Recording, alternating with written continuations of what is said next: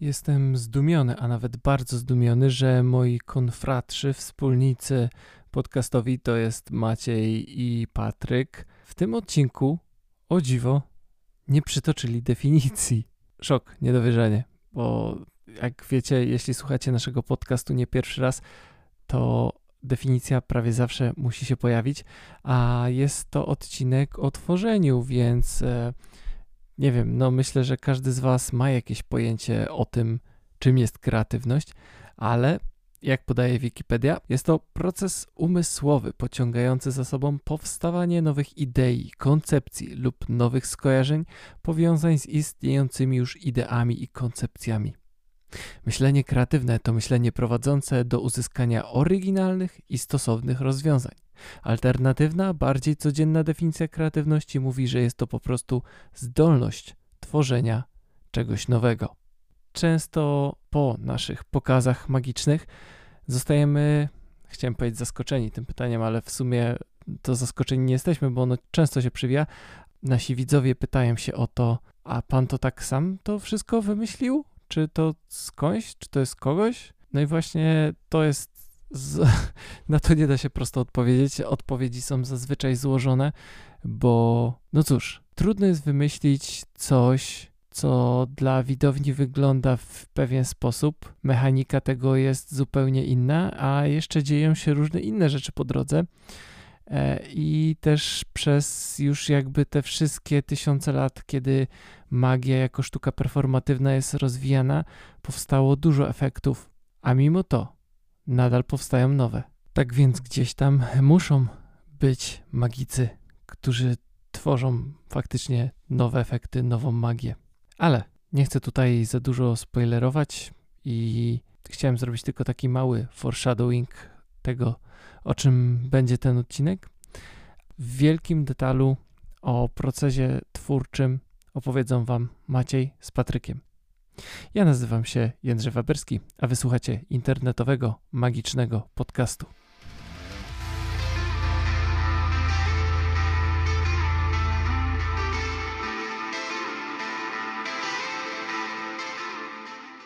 Dzień dobry, dzień dobry. Witamy Was w kolejnym odcinku internetowego, magicznego podcastu. Z tej strony Patryk. A z tej Maciej. I jak już wiesz pewnie z tytułu tego odcinka, dzisiaj porozmawiamy sobie na bardzo ważny dla magików temat, czy tą całą magię da się wymyślać. Tak, bo dla naszych widzów bardzo często wymyślanie czegoś, co oszukuje ich zmysły, oszukuje ich umysły i rozpala fantazję, jest wręcz niewyobrażalne i wymaga nadludzkich mocy. Co więcej, ja uważam, że dla większości ludzi wymyślanie czegokolwiek tak naprawdę wydaje się niemożliwe, bo przecież kto wymyślił, żeby zbudować miasto? Albo kto wymyślił, żeby zbudować e, stację kosmiczną? To da się takie rzeczy wymyślać? No, jako że istnieją, to znaczy, że się da.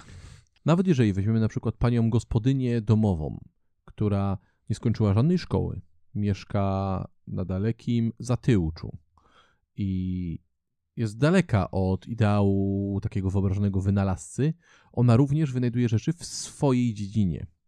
Jak wykażemy, wymyślanie rzeczy wydaje się niemożliwe tylko tym, którzy się tym, tą kwestią nie zajmują, bo ta gospodyni prawdopodobnie ma kilka swoich przepisów na ciasto, na obiad, na, nie wiem, kapustę z grzybami, o których nie wie nikt, bo są jej własne, bo je wymyśliła. Dokładnie tak, bo kreatywność jest jednak nieodłączną cechą bycia człowiekiem, tak naprawdę. I każdy z nas sobie wymyśla, każdy z nas sobie coś tam tworzy. Każdy z nas jest odrębnym, niezależnym i niepowtarzalnym światem, którym jeżeli tylko będzie chciał wykorzystać ten swój własny świat do stworzenia czegoś wyjątkowego, powstanie coś, co jest możliwe do stworzenia tylko i wyłącznie w jego świecie. Ale, ale jak w ogóle trafiliśmy na ten temat, żeby o nim porozmawiać, jak nas zainteresował? Otóż yy, był taki odcinek podcastu, w którym mówiliśmy o pytaniach często zadawanych przez widzów magikom i zauważyliśmy, że jest też jedno pytanie, które się powtarza i to jest właśnie pytanie, czy my wymyślamy to, czy tu da się w ogóle wymyślić tą całą magię, tą całą iluzję, to wszystko, co prezentujemy. No i musieliśmy się nad tym zastanowić i częścią tych wszystkich naszych rozmyślań już za moment się podzielimy. Bo zasadniczo to nie my trafiliśmy na ten temat, tylko ten temat trafił nas prosto w twarz. Tak, ten temat jest troszkę jak kupa od gołębia. Spadł na nas z góry. I nie byliśmy na to przygotowani. Znaczy, akurat byliśmy, ale dzięki temu odcinkowi również ty będziesz przygotowany na to pytanie, bo jestem przekonany, że trafia się również tobie. Zanim przejdziemy do odpowiedzi, chciałbym, żebyś zamknął oczy, drogi słuchaczu. Tak, jest to możliwe, bo słuchasz nas za pomocą uszu, nie oczu. Więc zamknięcie oczu w żaden sposób nie utrudni ci odbioru tego, co mam do powiedzenia. Co więcej, zamknięcie oczu sprawi, że przekaz dotrze do ciebie w sposób bardziej intymny. I oczyma wyobraźni, bo te prawdziwe masz zamknięte, wyobraź sobie artystę. Nie jakiegoś konkretnego, tylko wyobraź sobie artystę. Jak wygląda, jak się zachowuje, jak się ubiera, jak tworzy. Masz? To teraz zmasz ten obraz z gumką. I wyobraź sobie cover artystę. Osoby lub osobę, które gra utwory, tworzy dzieła innych ludzi. Jeżeli to malarz, to wyobraź sobie kogoś, kto kopiuje Monalizę. Jeżeli widzisz muzyka, to wyobraź sobie kogoś, kto gra Ona tańczy dla mnie, śpiewając to tym innym głosem, co razi uszy. Wyobraź sobie cover artystę tak, jak widzisz go przed swoimi oczami duszy. I teraz porównaj te dwa obrazy. Czy widzisz różnicę? To jest bardzo ciekawy temat, bo jeśli na przykład weźmiemy to na przykładzie muzyki, skąd w ogóle pochodzi słowo cover w naszym powszechnym rozumieniu, to to jest oczywiste, że od zespołu, który na przykład wynajmujesz na wesele, oczekuje się tego, że będą grali pewne utwory, które znamy. Nie tylko swój nowy, najświeższy materiał, chyba że jesteś wielkim fanem tego zespołu i dlatego ich zapraszasz, ale w większości przypadków tak nie jest. Na imprezie chcemy, żeby zagrane zostały hity. I to najprawdopodobniej hity różnych wykonawców, tak żeby wszyscy, którzy są, dobrze się bawili. I o ile na tych takich weselach czy innego rodzaju eventach jest bardzo dobre miejsce dla cover artystów. Choć wśród coverowych zespołów znajdują się takie, które tworzenie coverów podniosło do dzieła sztuki i oni nie odtwarzają hitów innych ludzi, tylko grają swoje własne, mimo że to są, nie są ich utwory. Co mam na myśli? Jeżeli słuchasz sobie tą Ona tańczy dla mnie w wykonaniu zespołu Weekend, czy Oczy zielone, zielone, to w twoim mózgu wiesz, jak to powinno brzmieć. Jeżeli śpiewa to inny wokal, jeżeli grane jest to w innym rytmie, na innych instrumentach, to wówczas no, czujesz, że coś jest nie tak. Ale są zespoły coverowe, które przearanżowują materiał, który grają. I tak jak, nie wiem, pewnie mi poprawisz, bo ja zawsze zapominam nazwę tego zespołu. Ci, co grają tak swingowo wielkie hity nowoczesne. Postmodern Jukebox. Dokładnie oni. Tak, oni na coverach i to takich bardzo mocno odbiegających od oryginału zrobili sobie całkiem niezłą sławę, całkiem niezłą karierę i jeżdżą po świecie z koncertami, z tego co wiem. Tak, i oni korzystają z tego, że są cover artystami, ale oni cover, tak naprawdę to oni nie są cover artystami. I w ciągu tego odcinka się to wykażemy. Zresztą Lindsay Stirling, wiem, że lubisz ją bardziej niż ja. Lindsay, Lindsay Stirling, no. Tak, ona też wybiła się dzięki coverowaniu Skyrima, z tego co pamiętam. Ona coverowała dużo różnych rzeczy i robiła też właśnie swoje własne aranżacje. I to jest właśnie to. To nie były covery. To były aranżacje. Tak, choć pojęcie aranżacja jest y, dosyć powszechne, przyję, powszechnie przyjęte w muzyce Tak. lub w projektowaniu wnętrz. E, W każdym razie w innych dziedzinach często słyszymy słowo interpretacja, które moim zdaniem jest też bliskie, choć nie do końca. Jest bliskie, ale nie do końca, bo interpretować możesz wiersz. I o ile przy interpretacji wiersza, przy recytacji tego utworu możesz dać coś z siebie, a nawet powinieneś dać coś z siebie, to Herbert zawsze będzie Herbertem. Niezależnie czy y, pana Kogito czyta Gintrowski, czy też śpiewa Herbert, czy też na opak, e, pozdro dla komatych, to, to jest Herbert. I pan Gintrowski, mimo że właśnie aranżował te utwory Herberta na medium muzyczne, no to jednak to jest Herbert. Tak, tak, dokładnie tak. Aczkolwiek warto wiedzieć o tym, że takie coś istnieje i tak naprawdę odtworzenie nie musi być idealnie wierne oryginałowi. z definicji nigdy nie będzie. Dlatego cover artyści w tej twojej wyobraźni prawdopodobnie są gorzej opłacani, prawdopodobnie w twojej wyobraźni wyglądają odrobinę mniej szlachetnie niż artysta ogarnięty szałem twórczym. Ale za to prawdopodobnie są troszkę mniej wyniszczeni przez narkotyki i inne używki. Tak. Oraz y, hulaszczy tryb życia. Jakbym miał malować obrazy Salvadora Dalego, to wolałbym jednak robić jego kopię niż żyć jego życie. To fakt, bo y, artyści bardzo często są wymęczeni przez życie. Mają tylko lepsze fajki i opary wódki, jak śpiewał klasyk. Więc Wiemy już, że część cover artystów po prostu odtwarza utwory innych ludzi, część je aranżuje, tworząc z tego coś swojego, ale jak to się ma do magii? Bo przecież weźmy jakiśkolwiek efekt karciany, powiedzmy, wybierz kartę, no to to jest jeden efekt. Wybierz kartę, ja ją znajdę. To jest jeden tylko efekt, aczkolwiek wykonywany naprawdę wiele razy i jest to pewien z takich głównych klasyków magii. Kiedy przypadkowy człowiek widzi magika i ten magik ma w dłoni karty, to może sobie pomyśleć, a czasem nawet powie: O, ja to znam. Ja wybiorę kartę, a ty ją zaraz znajdziesz. I tego typu myślenie jest również popularne wśród niektórych magików, którzy myślą: Co ty się przejmujesz wymyślaniem? Wszystko już zostało wymyślone, nie da się nic wymyśleć. I to zdanie jakkolwiek głupio brzmi, bo ono powiedziane na głos brzmi idiotycznie, ja spotykałem się z nim dosyć często podczas rozmów z innymi magikami. Nie tylko w Polsce, również za granicą. Wydaje mi się, że nadal możemy spotkać się z takim podejściem. Aczkolwiek, czy jest ono słuszne? Hmm, słuchaj dalej, to zapewne się dowiesz, jakie mamy zdanie na ten temat. I teraz tak. Chorał jako forma muzyczna powstał około IX wieku naszej ery. Był formą muzyczną bardzo konwencjonalną, graną w określonych warunkach. Nie chcę tutaj wchodzić w skomplikowaną systematykę, podział systematyczny muzyki. Ale chorał jest grany do dzisiaj. I mimo, że nie jest tak popularny jak wówczas, to ma swoje miejsce. Co więcej, chorał nie tylko jest grany do dzisiaj, ale chorały nadal powstają dzisiaj. Dokładnie tak. I to nie są te chorały, które zostały wymyślone w IX wieku. A od IX wieku to już całkiem dużo czasu upłynęło, więc teoretycznie można by dojść do wniosku, że hmm, w ciągu tysiąca lat zdążyliśmy wyczerpać temat. Dokładnie tak. Temat chorału nie został wyczerpany, tak samo temat Polki.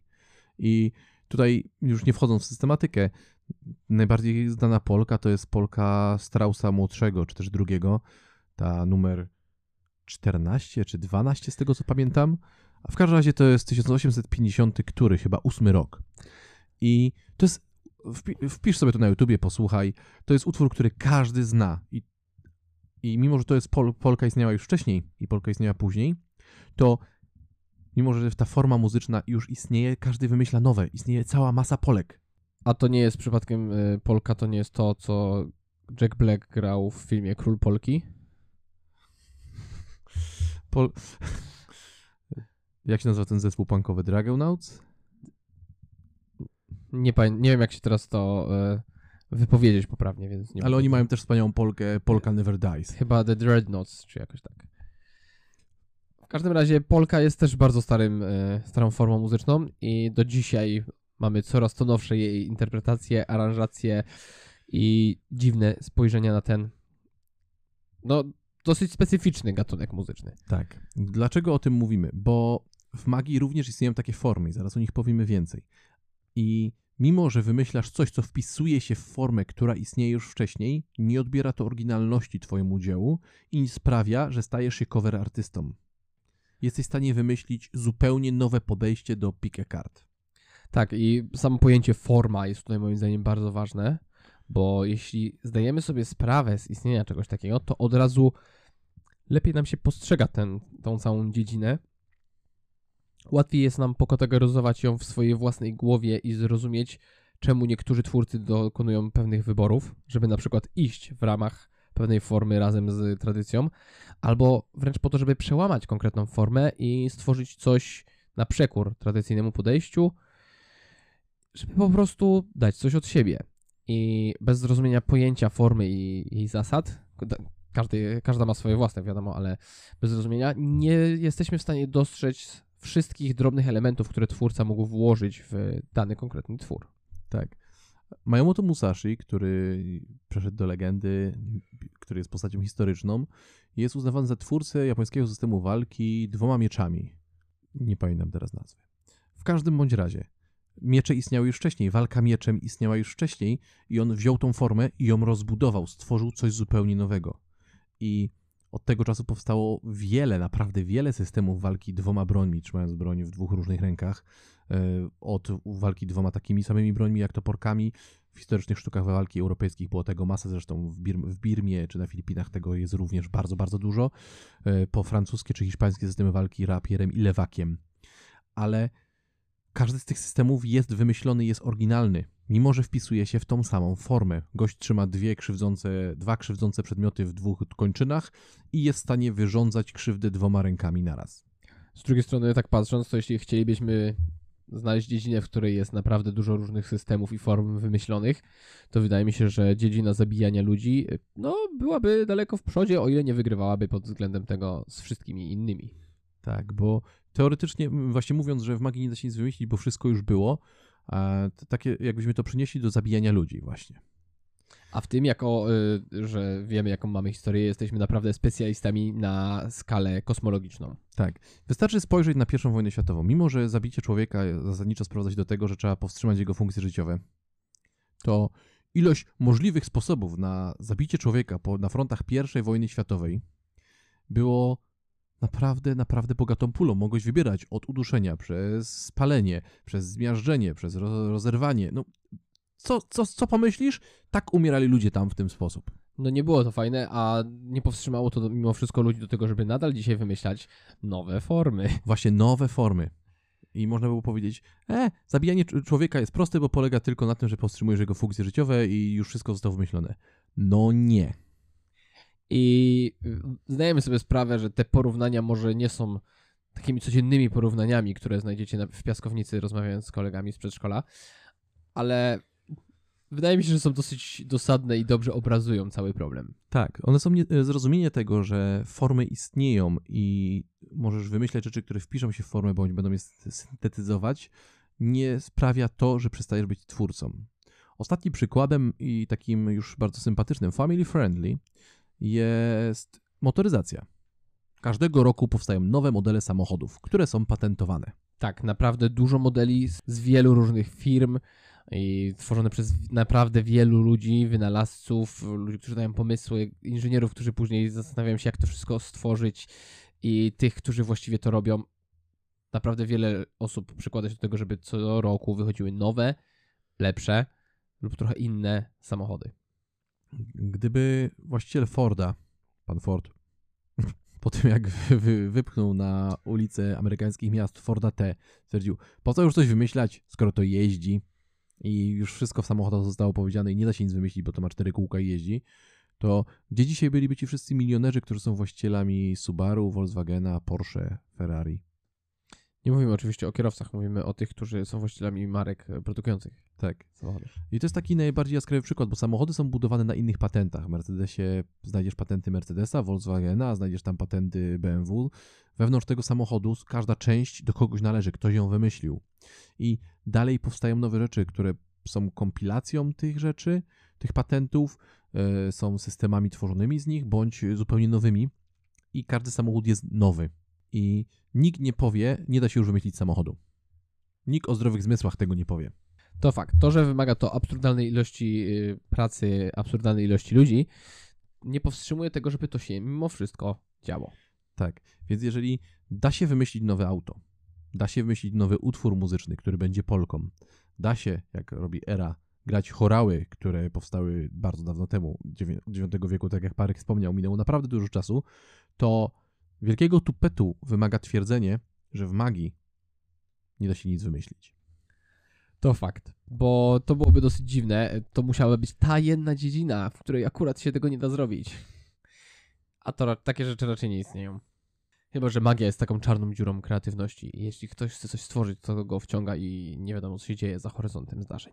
A tak nie jest. Mm, Czytałem kiedyś o historii medycyny i w medycynie na wschodzie kozacy mieli taki sposób leczenia gruźlicy i innych chorób płuc, że owijali chorego skórami wilczymi i niedźwiedzimi i reniferowymi jak mieli, wystawiali go na zimno na tydzień, karmili go smalcem i wódką i jeden na dziesięciu przeżywał. Reszta umierała, ale ten co przeżył był już zdrowy. I to była w pełni akceptowalna metoda leczenia. No, taka całkiem ciekawa. I wyobraźcie sobie lekarza, który mówi, ale po co rozwijać medycynę? Wszystko już zostało powiedziane, to jest taka choroba, że tam jak siadło na płuca jakieś złe licho, to wystarczy go owinąć tymi futrami, no jest ta metoda, po co coś wymyślać? Przecież jeden na 10 przeżywa, więc jest całkiem spoko. Tak, więc jest całkiem skuteczne. Lepsze niż metody walki z trądem za pomocą modlitw i srebrnych dzwoneczków. A... tam jest gorzej, to tam możemy pomyśleć. No nie, ludzie wymyślają rzeczy i wymyślają rzeczy, które wpisują się w pewne formy.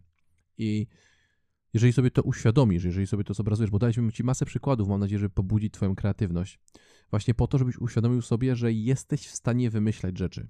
Ale o tym powiemy za chwilę. Pomówmy teraz o formach magicznych. Bo magia oczywiście ma swoje formy. Każda dziedzina magii, swoje formy klasyczne, e, tradycyjne, te, które przetrwały lata prób, e, pokazów i myślenia o nich, bo na pewno istnieją też takie, które zostały zapomniane, które gdzieś przepadły w naszej historii. Jeśli jesteś dobrym historykiem magii, to pewnie kojarzysz różne takie, albo poszukujesz takich. Max Maven, nie pisz już do nas o tych nowych formach. Daj nam spokój. I tak się składa, że niedawno ruszyliśmy z szybką serią podcastu. I w tej szybkiej serii możesz znaleźć też e, takie odcinki jak efekty karciane, które musisz znać. Efekty z monetami, które musisz znać. A także efekty mentalistyczne, które musisz znać. A także efekty z kolbą kukurydzy, które musisz znać. Czy z płonącym kołem. Ale te odcinki Patryk nagrywa sam, więc nie wiem, czy ujrzą światło dzienne. Ja też nie. Nie wiem, czemu oni nie chcą efektów z płonącym kołem. I kukurydzą. A jest ich naprawdę dużo. Dobrze, nieważne. W każdym razie w tych odcinkach skupiamy się właśnie na takich pewnych formach. I tam jest ich zazwyczaj więcej. Jeśli chcesz z każdej dziedziny magii poznać te formy, które naszym zdaniem warto znać, to zachęcamy do przesłuchania tamtych odcinków. Ale tutaj też skupmy się na kilku z nich. Najbardziej popularnym, który przychodzi wszystkim do głowy, prawdopodobnie dzięki Houdiniemu i temu, że był King of Cards, tuż zanim stał się King of Escapes. King of Ucieczka. King of Ucieczka. To, e, to wybierz kartę, znajdę kartę. Tak, z angielskiego pick a card trick lub po naszemu wybierz kartę. Znajdę kartę. To już nie jest chyba w nazwie, ale jest to oczywiste właśnie. Nawet po wypowiedzeniu tego pierwszego elementu, wybierz kartę, już domyślamy się, że kiedy my tą kartę wybierzemy, zapamiętamy, włożymy do talii, przetasujemy, to magik ją znajdzie. Ale, ale to nie, w sumie to nie jest szybka seria, to więc możemy o tym seria. powiedzieć więcej. Więc wyobraź sobie, zrób sobie eksperyment, drogi słuchaczu, weź karty yy, i będąc z kimś, żebyś nie nachodził ludzi na ulicy, bo to jest nieeleganckie.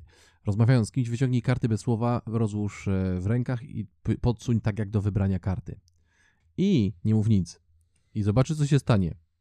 Zdecydowana większość ludzi, których poddasz temu eksperymentowi, kiedyś prowadziłem ten eksperyment zaczepiając ludzi na ulicach, sięgnie ręką i wyjmie kartę. To jest wbite w naszą świadomość jako człowieka. Tak, to jest konwencja, z którą wcześniej czy później się spotykamy, oswajamy i później ona jest internalizowana na tyle, że nie zdajemy sobie sprawy wstając rano czy myjąc zęby, że o, kiedy magik podsunąłby mi kartę pod nos, to wybrałbym kartę. Nie, ale kiedy taki bodziec się pojawi, reagujemy instynktownie. Tak. I to jest właśnie przykład takiej bardzo starej formy. Kiedy karta wzywa, muszę ją wybrać. Drugą formą po pick a card jest coins across. Ogólnie rzecz biorąc jest to fabuła pewnego efektu z monetami, gdzie monety leżące na jednej części stołu albo na, leżące w dłoni jednej od magika przynoszą się do tej drugiej, czy do części stołu, czy do drugiej dłoni. Tak, ja tutaj teraz wzbudzę gromy na swoją głowę, ale również wyciągnięcie monety za ucha jest moim zdaniem wariantem końca cross. Wyciągasz monety z powietrza w sposób nie, niewiadomy. I wiem, że tutaj moglibyśmy o tym jako magicy polemizować teraz przez długie, długie godziny. Czy ja bym jest? chętnie polemizował. E, wie, ja wiem, dlatego odcinam ten temat. Chodzi mi o to, że to również jest bardzo oczywiste i bardzo zakorzenione w naszej świadomości. Moneta znika z jednej ręki i pojawia się w drugiej. Moneta znika z kieszeni i pojawia się za uchem. Znaczy, ta moneta za uchem jest moim zdaniem bardziej klasyczna, nawet bardziej się w, jakoś tak wtłoczyła w naszą ludzką świadomość niż ta przenoszenie się monet.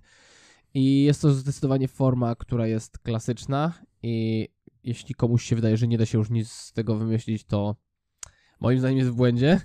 Tak. Bo to może i jest stare i może każdy to kojarzy, ale to przetrwało wiele lat nie bez powodu. I zdradzę ci czytelniku, jeśli jesteś magikiem, że kiedy po raz pierwszy uda ci się bardzo dobrze to zrobić, tak, że wszystko będzie idealnie i wyciągniesz dzieciakowi za ucha monetę, to jak zobaczysz minę, która wykwitnie na jego twarzy, to zrozumiesz, czemu warto trzymać się tej formy. Tak. A jeżeli dasz sobie takie wyzwanie i będziesz pracował i będziesz w stanie wyciągnąć osobie dorosłej monetę z za ucha. Mam na myśli naprawdę czysto. Tak, że widz sprawdzi twoją rękę, twoja ręka jest pusta, się obmacana, sięgasz za jego ucho i wyciągasz mu za tego ucha monetę. To wówczas zawsze co się stanie. Ta forma, spełnienie tej formy, wpisanie się w tą formę w sposób idealny, czysty, no, rozwala ludziom głowy. Tutaj pozdrawiamy pana Slidiniego. Oj tak, zdecydowanie. I trzecią formą, którą sobie zapisaliśmy, są znikające jedwabne chusteczki. Magia z jedwabnymi chusteczkami, czy jak to się mówi slangowo z silkami, troszkę odeszła do lamusa. Ale tylko troszkę, bo gdzie niegdzie nadal jest żywa. Ale na pewno nie jest tak popularna jak niegdyś, czy jak to drzewiej bywało. Onegdaj. Bo też i powszechność takich szalików, chustek i tak dalej bardzo wzrosła, więc e, pozorna wartość takiej chustki i to, że magik pojawiając coś tak drogiego jest jakiś super elitarny, te, no to zniknęło zupełnie. No tak. Pewnie chustki teraz jest bardziej, e, co mam sobie wdmuchać do tego nos. W każdym razie jest to też klasyk, który przetrwał i który ma w sobie bardzo duży potencjał i mimo, że tak naprawdę lata tworzyło takie właśnie, nawet całe pokazy oparte na pojawieniu różnych chustek, to wydaje mi się, że tam jeszcze jest dużo tego potencjału. No i on jest, on jest nie do wyczerpania. Aczkolwiek forma jest bardzo prosta. Magik macha dużą jedwabną chustką, po chwili chustka znika. I nie ma jej nigdzie. A potem macha, macha pustą ręką i nagle pojawia się w niej duża jedwabna chustka. Ale ta chustka może się pojawić w ręce, może się pojawić w gazecie, może się pojawić gdziekolwiek za pomocą miliona różnych metod. Bo dzięki temu, że ta forma kiedyś była bardzo, bardzo, naprawdę bardzo popularna, istnieją setki, jeśli nie tysiące sposobów na zniknięcie chustki i analogicznie na jej pojawienie. I jeszcze jedną bonusową formą Uuu, bonus. jest cięcie kobiety na pół. Tak, niektórzy uważają, że jest to najbardziej klasyczny i najstarszy efekt na świecie. Z tym często akurat się spotykam u widzów, że kojarzymy, o, to jest bardzo stare. E, żeby wyprowadzić z błędu, to już mówimy, e, w roku 2021 na całym świecie uczczono e, stulecie tego efektu. I o ile się nie mylę, pierwszy raz ten efekt został zaprezentowany 17 stycznia 1921 roku. Robi wrażenie, prawda?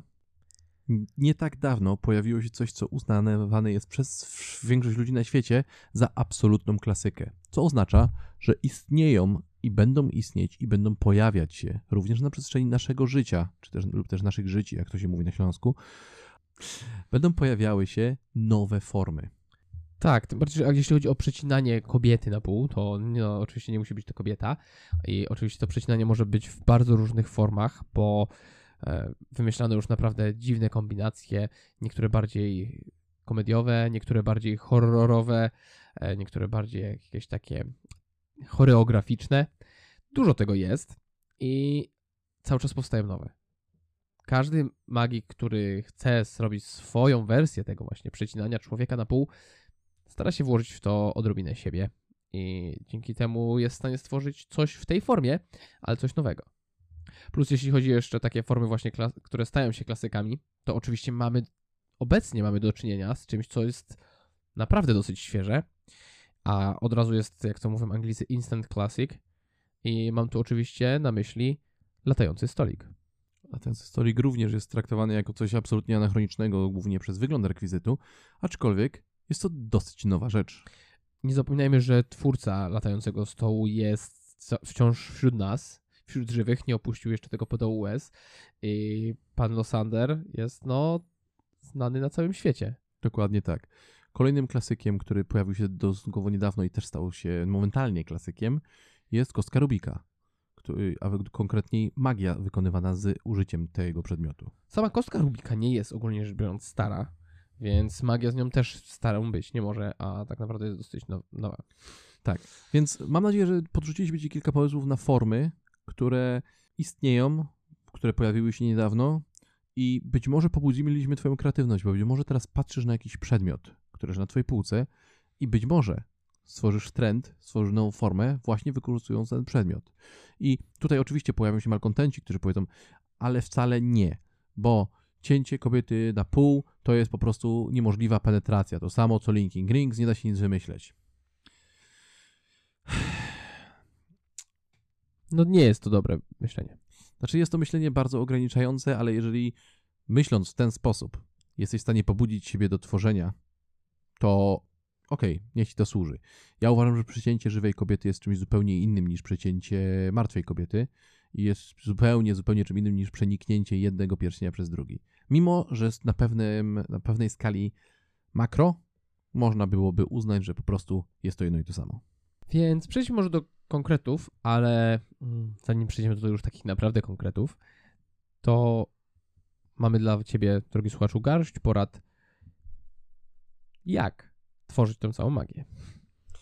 Po pierwsze, żeby tworzyć cokolwiek, tak jak wspominałem przykład gospodyni na początku, musisz rozumieć technikalia. Musisz być zanurzony w temacie. Tak, musisz opanować te wszystkie podstawy, które tam są. E, jeśli na przykład chcesz rysować, to musisz wiedzieć, jak trzymać ołówek w dłoni. Ba, musisz wiedzieć, czym jest ołówek. I ogólnie rzecz biorąc, musisz też w magii opanować wszystkie swoje podstawy, jakie tylko możesz. Jeżeli chcesz skonstruować łódź, która przywiezie tysiąc osób, to dobrze byłoby, żebyś wiedział, jak działa wyporność. Dobrze, żebyś znał się na materiałoznawstwie. Dobrze, żebyś wiedział, jak działają silniki, jak działają żagle, czym są fale, czym są pływy. Bez tego nie jesteś w stanie tworzyć. A jeżeli teraz powiedzenie dla ciebie, o, zbudować łódź wydaje się proste, to znaczy, że za mało wiesz. Po tych pływach i tych wszystkich innych rzeczach, silnikach, materiałoznawstwie, y, być może nie wiesz o tym nic i w tym momencie właśnie uświadomiłeś sobie, że nic nie wiesz, czyli zwiększyłeś swoją kompetencję. To wiem, że nic nie wiem jest bardzo, bardzo dobrym punktem wyjścia. Jeżeli więc wydaje ci się, że nie jesteś w stanie wymyśleć magii, oznacza to tylko i wyłącznie, że za mało wiesz. Musisz się dokształcić. Na szczęście, jeżeli jesteś magikiem, masz dostęp do książek, masz dostęp do szkoleń, masz dostęp do ludzi, masz dostęp do spotkań, masz, cytując Sucker Punch, ten film, bardzo dobry, tylko w wersji reżyserskiej, masz wszelkie możliwe narzędzia i wszelkie niezbędne narzędzia, a teraz wstań i walcz. Dokładnie tak. I wtedy ją zaatakowały ci duży samuraje. No, tacy. tam tak, tak ciekawie się wtedy zrobiło. W każdym razie tak, musisz opanować te podstawy i wstać i walczyć. Ale jak już y, opanujesz mniej więcej, jak to wszystko działa, warto też prześledzić historię.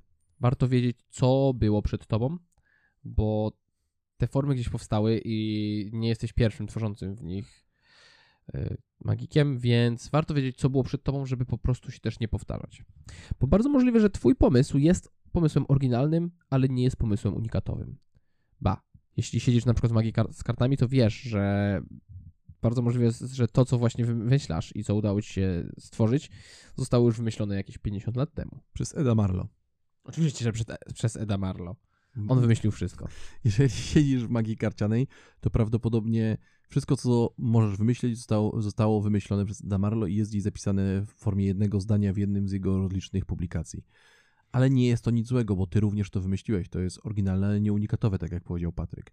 I to, co z tym zrobisz, to już będzie oryginalne. Kolejną rzeczą, która jest również niezbędna zaraz po historii i opanowaniu technikaliów, jest zrozumienie psychologii. Psychologii Twojego widza. Bo ty możesz znać setki sposobów na zniknięcie jedwabnej chusteczki. Możesz je ćwiczyć przed lustrem, mogą wyglądać bardzo pięknie, ale zderzenie z publicznością, która będzie podejrzewała, że wykorzystujesz powiedzmy metodę X i ty naprawdę wykorzystujesz metodę X, bo w żaden sposób nie ograłeś tego tak, żeby widzowie podejrzewali jednak metodę Y, albo podejrzewali brak metody, to zostanie złapany za rękę i pewna część twojej kończyny zostanie od ciebie odjęta. I widz powie, ha, to to. I zrozumienie psychologii jest czymś, co jest bardzo, bardzo istotne, dlatego nieodłącznym elementem tworzenia magii jest jej prezentowanie. Jest eksperymentowanie, jest stały, ciągły rozwój, bo mamy ten komfort w naszej branży, że mamy natychmiastowy feedback. E, chyba szybszy feedback mają tylko youtuberzy, którzy dostają setki komentarzy, jeżeli powiedzą coś niedobrego. Nie sądzę, bo oni dostają go dopiero po nagraniu i zuploadowaniu filmiku. A w sumie tak, w sumie tak, bo oni to jeszcze montują. Więc my mamy się nawet lepiej. I kiedy masz już te elementy zebrane, to brakuje ci jeszcze jednego przynajmniej. I tym jednym elementem jest. Jesteś ty, tak naprawdę. Twoja kreatywność, Twoja osobowość, Twoje poczucie estetyki, Twoje spojrzenie na świat, wszystko to, co składa się na Ciebie. I wszystko to, co z siebie możesz wyjąć i włożyć w tą swoją twórczość, by utworzyć ją tak w sposób niepowtarzalny, tak żeby nikt inny na świecie w jakimkolwiek innym momencie w czasie nie był w stanie dokładnie zrobić tego, co ty. I oczywiście możesz nam zarzucić, że brzmi to jak mistyczne pierdololo, to, że żeby cokolwiek stworzyć musisz poznać siebie. Zacz- najdłuższą podróż zacznie od pierwszego kroku wewnątrz swojej osobowości i swojej duszy. Zrozum, co niesiesz w sobie, a dalej zajdziesz. Ale ta mistyka nie powstała bez przyczyny. Jakby powstała bez przyczyny, to by zaniknęła. Jak e, kowalstwo na obrzeżach miast. Co więcej, ta mistyka jest y, bardzo potrzebna, szczególnie moim zdaniem w naszej dziedzinie sztuki, choć tak naprawdę w każdej się przydaje. Bo jeśli wiesz, co kręci właśnie ciebie, jeśli wiesz, co cię ukształtowało, to jesteś w stanie świadomie korzystać z tego i przekazywać to swoim odbiorcom. A to na pewno podbuduje twoją twórczość na poziom taki, którego nie spotkałem oni nigdzie indziej. Bo jaka jest szansa, że ktoś urodził się dokładnie w tym czasie, w tym miejscu co ty i przyszedł dokładnie tą samą drogę? No nie, nie ma żadnej, bo gdyby miał być w tym samym miejscu, to co najwyżej stałby obok ciebie. Tak. Więc na podstawie tego, co powiedzieliśmy wcześniej, jeżeli chciałbyś stworzyć jakiś gotowy, nowy, oryginalny, swój własny efekt, wystarczy, że weźmiesz powyższe punkty i zapiszesz, rozpiszesz ten efekt z podziałem na każdą z tych kategorii. Jak postrzegają go widzowie, co podejrzewają, co chciałbyś, żeby podejrzewali. Jakie technikalia są wprowadzone, jakie mógłbyś wprowadzić. E, Jak historycznie było to wykonywane, jak myślisz, że możesz to wykonać teraz. I przede wszystkim, jaką jesteś osobą na scenie. Kim jesteś, jako występujesz i jak twoja postać wykonałaby ten cud naprawdę. I gwarantuję ci, że zastosowanie takiego, tego narzędzia, mimo że wydaje się, że nie jesteś w stanie nic wymyślić, sprawi, że każdy efekt, który tak w ten sposób obrobisz, stanie się twój własny i oryginalny. Może nie unikatowy. Zdecydowanie bardzo istnieje bardzo duża szansa, że wszystko co tworzysz może nie okazać się do końca unikatowe, bo ktoś mógł wcześniej wpaść na coś takiego lub prawie dokładnie takiego samego. Ale tym się nie przejmuj. To nie powinno powstrzymywać cię przed tworzeniem dalej. Bo to, że Strauss komponował swoją wspaniałą Polkę, po prostu chciał skomponować sobie Polkę i nie było w tym nic złego, mimo że Polka istniała. To, że ty chcesz wymyślić sobie efekt, wybierz kartę, znajdę kartę, to nie znaczy, że twój efekt, wybierz kartę, znajdę kartę, będzie nieoryginalny. Ale jeśli jest nieunikatowy, to sięgnij do tego punktu wcześniejszego, czyli odrób pracę domową z historii. Tak. I teraz tak, teraz garść praktycznych, naprawdę praktycznych porad, jak wymyślać nową magię. Bo do tej całej twórczości można podejść na kilka sposobów. Po pierwsze, zrozum najważniejszą rzecz. Prezentacja jest nieodłączną częścią magii. I prezentacja może być dobrym punktem wyjścia do stworzenia czegoś oryginalnego i niepowtarzalnego. Tak, nawet jeśli podejdziesz do tej historii o wyborze karty, jak już jej tak trzymamy, to to jest bardzo proste. Wybór karty, włożenie do talii, przytasowanie, znalezienie karty. Ale możesz to zaprezentować w taki sposób, jakiego jeszcze nikt nigdy nie zrobił. Wyobraź sobie sytuację, w której widz wybiera kartę. Ty w jakiś sposób robisz e, juju i karta jest kontrolowana w jakiś sposób. Pi, pi, pi, pi, pi. A, I znajduje się w jakimś miejscu. I ty ją znajdujesz. Klasyczne. Każdy z nas zna setki sposobów na osiągnięcie tego efektu, ale jeżeli wymyślisz, żeby zrobić to za pomocą magicznej różdżki, to w tym momencie, trzymając różdżkę w lewej dłoni, trzymasz karty w prawej dłoni. Musisz wykonać całą sekwencję jedną ręką. I w tym momencie efekt wykonywany jedną ręką staje się już ciekawy. Dzięki wprowadzeniu jednej zmiany, bo załóżmy, że jesteś magikiem, który posługuje się różdżką w każdym ze swoich efektów, powstało coś nietypowego. Ale załóżmy, że na przykład chcesz iść jeszcze dalej i montujesz obrotową platformę. Stajesz na niej na głowie. Zdejmujesz buty. Do jednej e, nogi przyklejasz sobie wachlarz. Drugą stopę zostawiasz pustą. Podrzucasz tą przetasowaną talię kart, rozmuchując wszystkie karty wachlarzem przyklejonym do jednej stopy i między palce drugiej łapiesz jedną z kart. Okazuje się, że jest to karta wybrana przez widza. I pod kątem metody możesz zastosować najprostszą, ale prezentacja sprawi, że stanie się to czymś niesamowitym, oryginalnym i zupełnie obłąkanym, ale niesamowitym. Zdecydowanie. I nie polecam tego każdemu, bo ryzyko dla zdrowia i życia takie tam, ale może być to ciekawe. Kolejnym sposobem na wymyślenie czegoś oryginalnego i nowego może być, i to jest, e, kiedy to, kiedy to powiem, to brzmi to dosyć karkołomnie, ale zostań ze mną, jest odświeżanie klasyków. Co? Wracając do Polki, do Straussa. Strauss patrzy sobie na Polkę i mówi, Polka musi mieć takie metrum, musi być w ten sposób grana, musi mieć takie elementy kompozycyjne. I tworzy swoją własną Polkę. I to jest jego własna Polka, mimo, że tak naprawdę odświeżył bardzo starą formę muzyczną. Tak, robiąc, y, podchodząc do tego właśnie w ten sposób, też możemy tak robić właśnie z y, różnymi efektami magicznymi, bo możemy dodać do tego świeżości przez pewne elementy, z których klasycy nie mogli korzystać, bo na przykład jeszcze nie istniały. Doskonałym przykładem oryginalnego zastosowania odświeżenia klasyka jest Dynamo i jego najbardziej chyba emblematyczny efekt, czyli telefon w butelce. Tak, dosyć znany. Nie jest dosyć znany. Zasadniczo jest to moneta w butelce. Efekt, który ma jakieś 300-400 lat. Tak. I on odświeżył go i rozpropagował na tyle, że cały świat teraz o tym jeszcze mówi, mimo że jego program leciał w telewizji już kawałek czasu temu. Tak. Drugim przykładem oryginalnego odświeżenia klasyka jest Hindu Thread bądź Gypsy Thread, który Eugene Berger, tak, za każdym razem musimy wspomnieć o Eugene Bergerze, wywindował do poziomu arcydzieła, mimo że ten efekt był znany od bardzo, bardzo, bardzo, bardzo, naprawdę bardzo dawna. Absurdalnie wręcz dawno. Tak, no po prostu wziął nitkę, pociął ją, albo przepalił, albo przegryzł, dopóki mu się zęby nie pokruszyły na gryzieniu tych cholernych nitek i scalił z powrotem. Ale dzięki odświeżeniu, dodaniu niesamowitej prezentacji stworzył z tego własne, własne to jest słowo klucz, dzieło sztuki. Oj tak, a to zdecydowanie jest dzieło sztuki. I nie jest to pierwszy raz, kiedy wspominamy o tym właśnie efekcie. Kolejnym sposobem na stworzenie czegoś oryginalnego jest rozpoczęcie swojej drogi od fenomenu. Zakładając, że masz te wszystkie narzędzia, technikalia, psychologię, historię, metody i swoją postać opanowane, myślisz sobie, chciałbym tak jak Mojżesz rozstąpić Morze Czerwone. Tak, i w tym momencie zaczynasz działać od tego, co chcesz osiągnąć.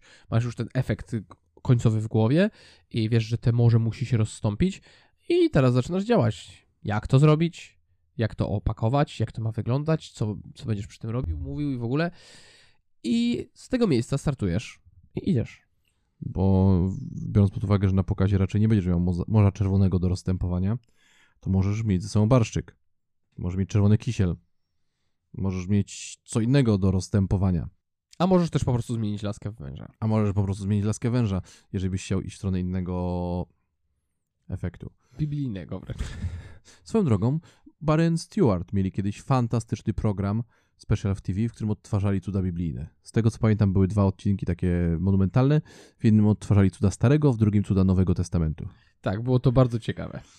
E, Ja tylko przypomnę, jeżeli ktoś nie pamięta, e, jeżeli nie widziałeś, to oni są bardzo chorzy psychicznie i ja ich osobiście ubóstwiam. Tak, Barry i Stewart są cudowni. I jak jeden miał przejść po wodzie, to przygotowali taki basenik. I jeden, jeden mówi do drugiego, no chodź, przejdź po wodzie. Ten mówi, nie no, przejdę, nie przejdę, bo jest zimno, bo się zmoczę. A drugi mówi, dostanę, dostaniesz piwko. On powiedział, "O, nie, nie. Wtedy ten wyjął z tego, co pamiętam, a moja pamięć może płatać figle. Cztery piwka, dam ci cztery piwka. I zaczął nimi potrząsać w zabawny sposób. Wtedy ten pierwszy powiedział, okej, biegnę i przeszedł po wodzie i wziął te piwka. Dobra motywacja. Godna Polaka. E, Więc wyjście od fenomenu również pozwoli ci tworzyć niesamowite rzeczy. Tak, i wiadomo, ilu ludzi, tyle podejść, ale wydaje mi się, że to chyba nasze wspólne zdanie, że te trzy podejścia są bardzo dobre na początek.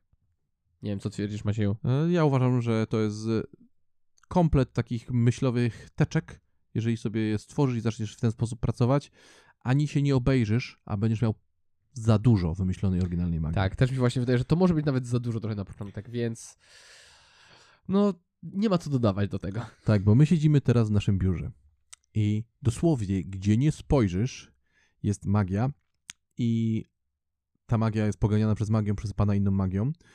I większość z tej magii to są nasze oryginalne pomysły, które siedzą i sobie inkubują, bo nie mamy czasu nad nimi pracować. Zostały stworzone prototypy, zostały stworzone idee, one leżą. Tak, tych pomysłów jest zdecydowanie zbyt dużo, żebyśmy byli w stanie je wszystkie sfinalizować przed momentem, kiedy umrzemy. Ja ostatnio przeglądałem moje notatniki, kiedy robiłem porządek w szufladzie i szczerze mówiąc nie wiedziałem, że mam aż tyle notatników. I większość z nich jest zapisana. I to nie powstrzymuje nas przed wymyślaniem coraz to nowszych rzeczy. Tak, bo wymyślanie jest esencją bycia artystą. Pamiętasz przykład z zamykaniem oczu i myśleniem o artyście i o cover artyście? To teraz wyobraź sobie siebie jako artystę. A następnie wyobraź sobie siebie jako cover artystę, kogoś, kto odgrywa materiał innych ludzi, odgrywa cudze efekty. I nie zrozum tego źle, bo tak naprawdę, jeśli chcesz tylko odgrywać cudze efekty, nie ma w tym nic złego. Szczególnie, jeżeli jesteś w ciągu pierwszych swoich 15 lat w magii.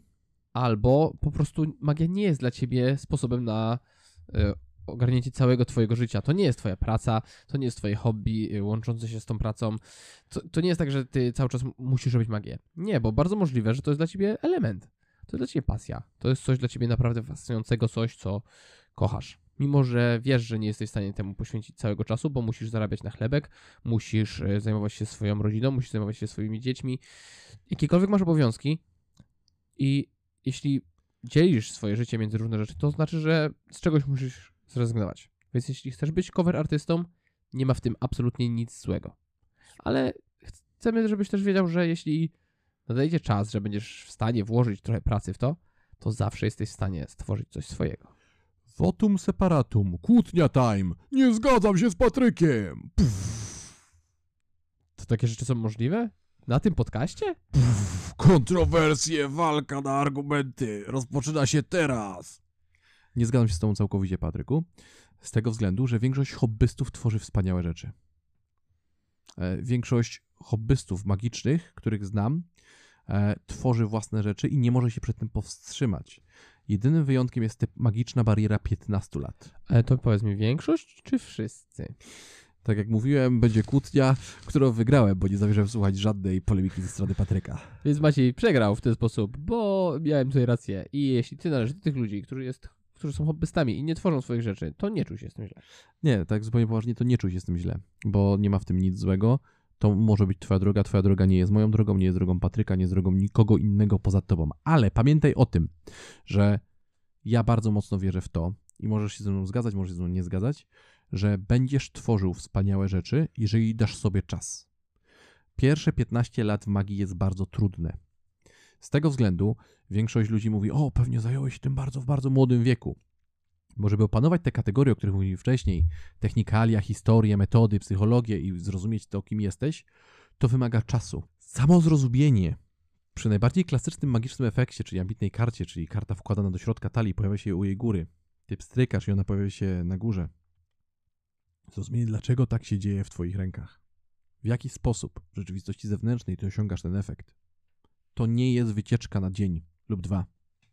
Zanim dotrzesz do tego, żeby ogarnąć, co się dzieje w umyśle twojego widza, kiedy to dostrzega, to fakt. Potrzebujesz wielu wykonań, potrzebujesz przemyśleń i potrzebujesz po prostu czasu. Tak. Być może łatwiej będzie ci się nauczyć odczytywać pin widza, czy poznać jego znak zodiaku, niż zrozumieć, w jaki sposób dla widza ty to osiągnąłeś. A zrozumienie tego faktu jest niezbędne, więc jeżeli nie umiesz niczego wymyślić, nie przejmuj się. Jeżeli jesteś cover ar- artystą, jest to jakiś etap drogi. Bo duża szansa, że zanim się obejrzysz, minie te przysłowiowe 15 lat i nagle zaczniesz tworzyć. Bo ja w moim początkowym etapie rozwoju magicznego byłem przekonany, że ja nie jestem z tych, co wymyślają. Oglądałem tych geniuszów intelektu, takich jak Marlowe, jak Bannon, jak Jay Sankey, jak Gregory Wilson, którzy dosłownie żygali tymi pomysłami we wszystkie strony i wszystko, co dotykali, zmieniało się w magię. Ja myślałem, ja tak nigdy nie będę. To jest nie dla mnie. To nie jest mój talent. I minął czas. I teraz muszę łopatą zsypywać pomysły i prototypy. A część z nich jest nawet spoko. Więc wróćmy do tego pytania tytułowego. Czy magię można wymyślać? Można. I to jak? Ja odpowiem innym pytaniem, czy dzik Tupta. tupta w lesie? Magię trzeba wymyślać i to uderzy cię wcześniej czy później, moim zdaniem, bądź jeżeli, ale jeżeli cię nie uderzy, niczym się nie przejmuj. To nie jest twoja wina, po prostu tak jest. A prawdopodobnie po prostu potrzebujesz trochę więcej czasu, bo występowałeś za mało w tej magicznych 15 latach. I wymyślanie magii jest wspaniałe. Tworzenie magii, tworzenie czegokolwiek jest subcio. I jak to powiedział Horacy, exegi monumentum. Może też się zdarzyć, że nie będzie ci się chciało po prostu w jakimś momencie tworzyć. Mimo wszystko staraj się, nawet jak ci się nie chce. Ewentualnie odpocznij, ale potem wróć do tego. Zresztą, tak jak Maciej powiedział, i tak od tego nie uciekniesz najprawdopodobniej. Nie bez powodu, e, jak rozmawia się z ludźmi magicznymi w magicznych grupach, to pytają o What's your magic origin story? Albo kiedy ugryzł cię magiczny robak? Bo wejście na drogę magii, e, rozkochanie się w tej dziedzinie, to jest coś, przed czym po prostu nie da się uciec. Jeżeli jeżeli zakochasz się w robieniu cudów i prezentowaniu ich ludziom, to twoja droga jest już wyryta w kamieniu. Będziesz się tym zajmował, bo to jest najlepszy narkotyk, jaki w życiu spotkałem. Ale narkotyki są złe? Para, tak, poza magią. I parafrazując Fryzy- Fryderyka Karzełka, magia to jest najlepsza czynność, najprzyjemniejsza czynność, jaką można wykonywać w ubraniu. I tym miłym akcentem kończymy dzisiejszy odcinek internetowego magicznego podcastu. Idź, weź coś wymyśl. Na razie.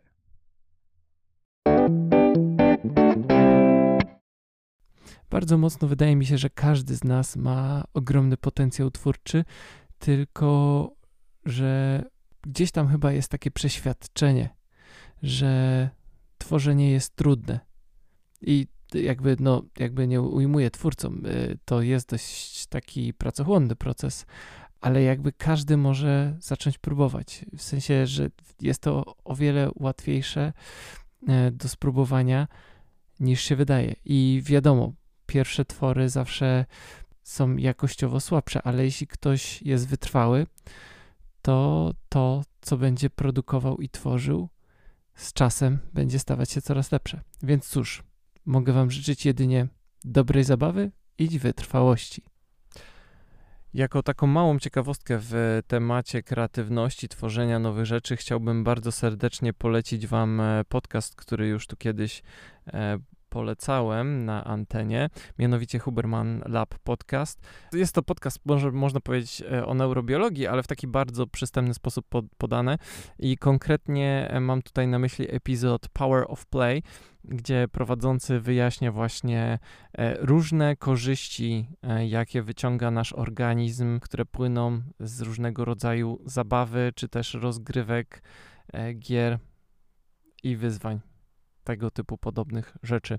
Jest tam właśnie też wspomniane, że niektóre rodzaje gier wpływają właśnie na na przykład neuroplastyczność naszego mózgu, czyli na taką, wiecie, plastyczność, zdolność do uczenia się, wyłapywania wzorców i jest tam też wyjaśnione poniekąd, że e, takie eksperymentowanie, zabawa jest korzystne dla nas również pod względem twórczym. Zachęcam do zapoznania się z odcinkiem Power of Play.